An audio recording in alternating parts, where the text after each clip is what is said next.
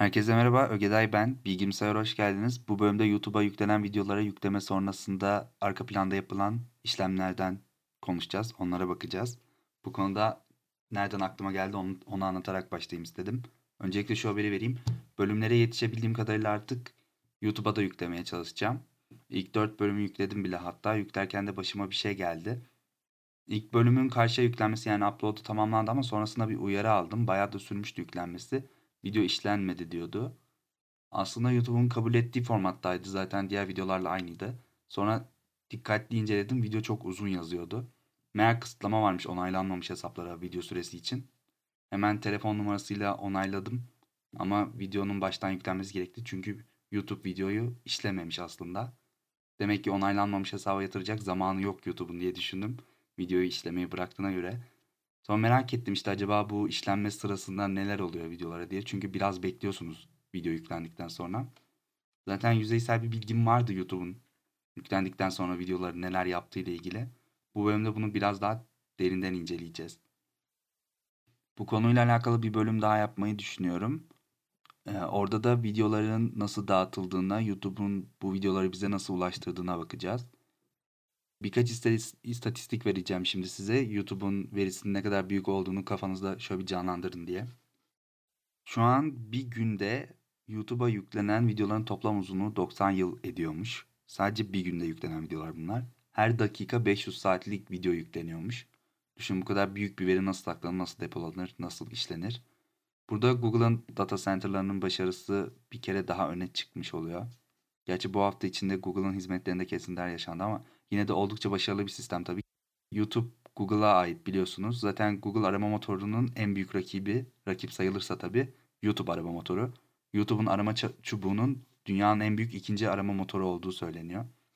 Hatta bu popülerite hakkında YouTube'da çalışan mühendislerin de iddiaları baya büyük. Herhangi bir kameradan çekilmiş herhangi bir görüntü öyle ya da böyle bir şekilde YouTube'a ulaşabilir merak etmeyin diyorlar. Evet de büyük bir iddia bu ama gördüğümüz kadarıyla gayet de gerçek. Tabi burada bahsi geçen herhangi bir kam- kamera tanımı şuna işaret ediyor. YouTube'a farklı farklı çözünürlüklerde, farklı farklı formatlarda video geliyor demek oluyor bu. Tabi bunların dağıtımının masrafının dağıtılabilme olasılığını da düşünmek zorunda. Dolayısıyla bu videolar yüklendikten hemen sonra o videoya biraz yatırım yapıp onu daha kolay dağıtılabilir hale getirmek onlar için mantıklı bir çözüm oluyor. Aksi takdirde biz kullanıcılar sürekli yükleniyor diye dönüp duran çember işaretiyle baş başa kalırdık. Bu da deneyimimizi etkilerdi elbette. Güzel karşılamıyoruz bunu. Bugün profesyonel olarak YouTube'çuluk yapan insanlar 4K çözünürlükte yayınlıyorlar videolarını. 4K çözünürlükteki videolarda gigabaytları bulabiliyor düşünce bu tarz görüntüler internet üzerinden akış olarak çekilmek istendiğinde yani stream edilmek istendiğinde tam bir kabus, kabusa dönüştürdü. Yani sonucu kabus olur. Tabi burada düşünülmesi gereken önemli bir nokta da her cihazın bu kalitede dosyaları oynatamayacağının farkında olmak. Mesela benim telefonum alev alırdı herhalde o tarz bir dosyayı seç seçenek olmadan tek bir kaynak çözünürlükte çekmeye çalışsaydı. Üstelik de bunun kalitesini yalnızca dörtte birini yansıtabiliyor olacaktı bana. Çünkü telefonumun ekranı 1080p çözünürlükte. Dolayısıyla bu noktada YouTube'un yaptığı tek bir kaynak videoyu birden fazla çözünürlüklere ayırma işlemi kullanıcı açısından da çok işe yarar bir duruma geliyor. Bugün noktada bir Google mühendisinin söylediği söz bayağı ilgimi çekti. Yükleniyor çemberi dediğimiz şey benim en büyük düşmanım diyor adam. Çünkü Google'daki kariyeri boyunca adamın bütün amacı bunu nasıl daha az görünür hale getirebilir mi olmuş. Çünkü kullanıcı deneyimi gerçekten YouTube'un başarısında büyük bir etki, etken. YouTube'un kullanıcıların çoğunluğu verilen hizmetten memnun noktada. içerik noktasında eleştirileri oluyor ama YouTube'un sunduğu hizmetten şikayetçi olan insan nadir. Şimdi video karşıya yüklendikten sonra videonun başına neler geliyor onlara bir bakalım. Video yüklendikten sonra YouTube öncelikle videoyu iyice bir analiz ediyor. Hangi formattan hangi formata geçirmenin daha iyi olacağına karar veriyormuş. Buradaki en kilit nokta nasıl daha küçük hale getiririz oluyor. Hem veri olarak kapladığı yer açısından hem de sonrasında rahat, rahatça dağıtılabilmesi açısından videonun küçültülmesi önemli. Yani boyutunun küçültülmesi önemli. Bu işleme sürecinde de çözünürlük ve kara hızı kilit noktada oluyor. Dijital bir görüntü için bunu şu şekilde açıklayabilirim size.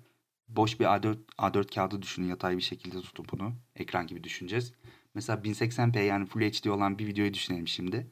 En üstüne tek bir satır halinde kaleminizde 1920 tane nokta bıraktığınızı düşünün. Bunlar bizim her bir pikselimiz olacak. 1080 tane de yukarıdan aşağıya sütun olacak şekilde çizdiğinizi düşünün. Şimdi bunu bütün ekranı kaplayacak şekilde tekrarladığınızda oluşan görüntüye bir kare diyebiliriz. Toplamda oluşan noktaların sayısına ise çözünürlük diyebiliriz. Saniyede 30 kare hızında bir video için yani 30 fps'lik bir video için bilgisayarın videonun her saniyesi için 30 tane bu kareden saklaması gerekiyor. E, dolayısıyla çözünürlük ve kare hızı arttıkça dosyanın boyutu da artıyor. Ama YouTube'un amacı tabii ki orijinal çözünürlüğü ve orijinal kare hızını düşürmeden, bunu azaltmadan ya da eksiltmeden kullanıcılara sunmak. Bu noktada da YouTube'un sihri devreye giriyor. Dosya boyutlarını küçülmeyi başarırken bu bahsi geçen orijinal değerlere mümkün olduğunca sadık kalmayı başarabiliyor YouTube. Videoların dosya boyutları küçülürken aslında orijinal kalitesinden çok da uzaklaşılmıyor.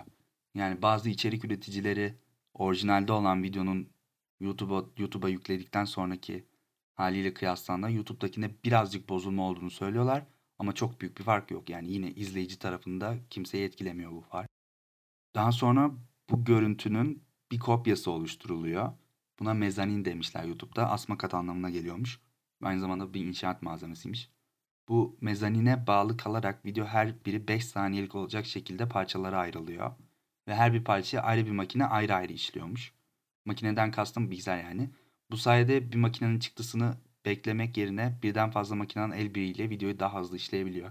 E, mantıklı tabi. Daha sonra bu işlenmiş videolar birleştirildikten sonra genel bir format elde edilmiş oluyor. Bu formatın ismini bilmiyoruz biz tabii ki ama genel YouTube formatı diyelim. Bu süreç içinde işleyen baya karışık bir matematik var. Tabii oraya birazdan geleceğim.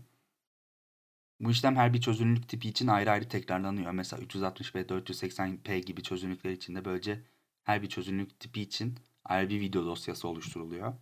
İnsanların YouTube izlediği platformlarda fazlaca değişiklik gösterdiği için her bir platformun oynatabileceği türden, her bir platformun oynatabileceği dosya formatı tipinden kopyaları da oluşturuluyor bu sırada.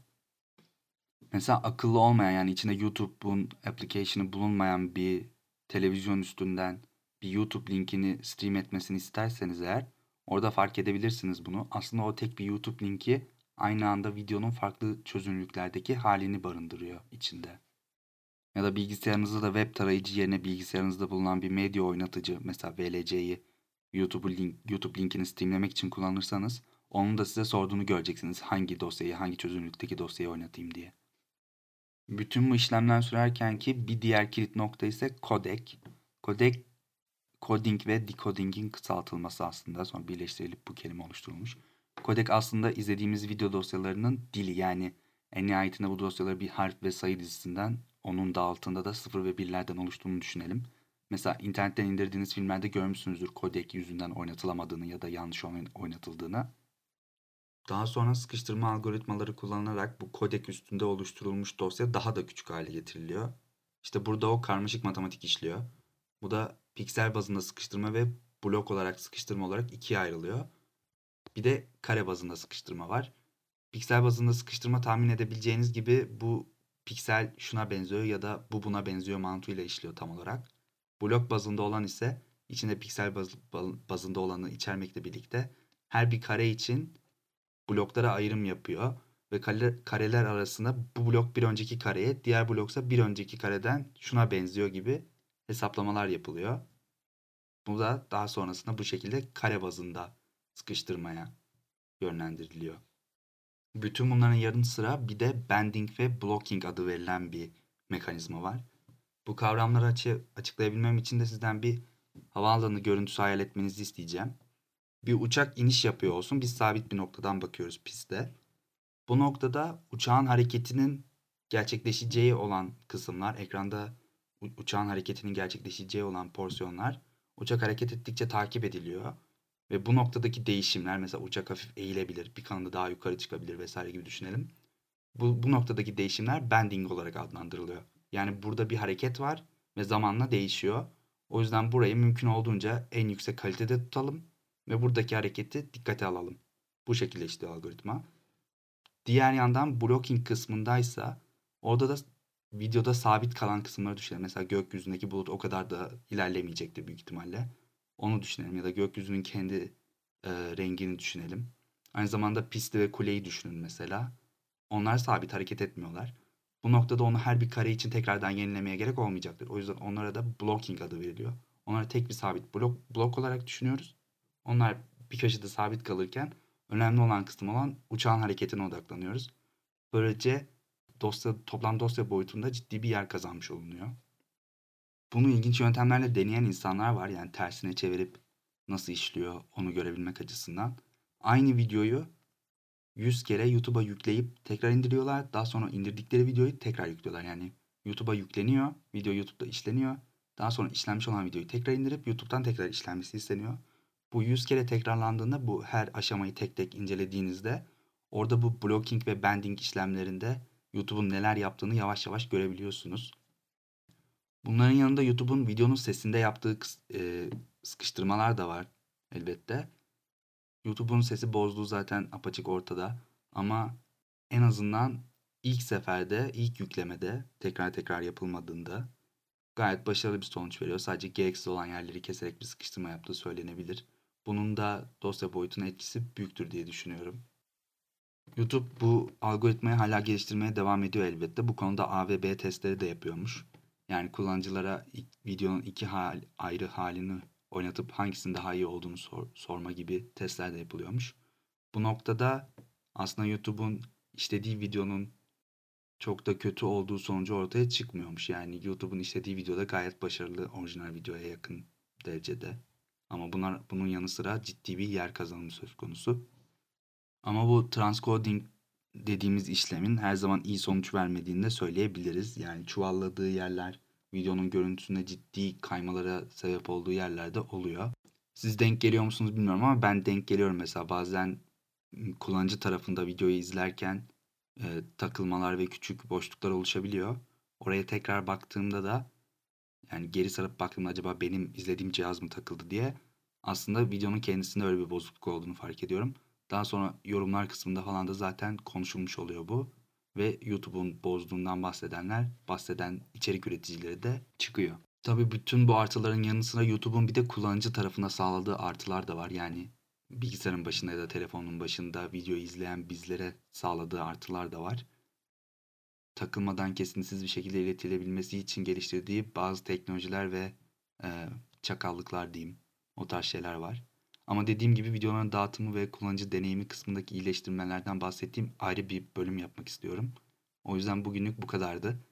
YouTube biz yükledikten sonra videolarda neler yaptığından ve bunların nasıl yapıyor olabileceğinden konuştuk. Çok kısa bir bölüm olacağını tahmin ediyordum ama çok konuşmuşum. Yine diğer bölümlere yaklaşmışım. Beni Instagram'da Bilgimsayar Pod adıyla bulabilirsiniz. Her zaman gibi görüş ve önerilerinize son derece açığım. Onun için de yine Instagram adresimi ya da bilgimsayar.com'da bulunan iletişim formunu kullanabilirsiniz. Kendinize çok iyi bakın. Görüşmek üzere.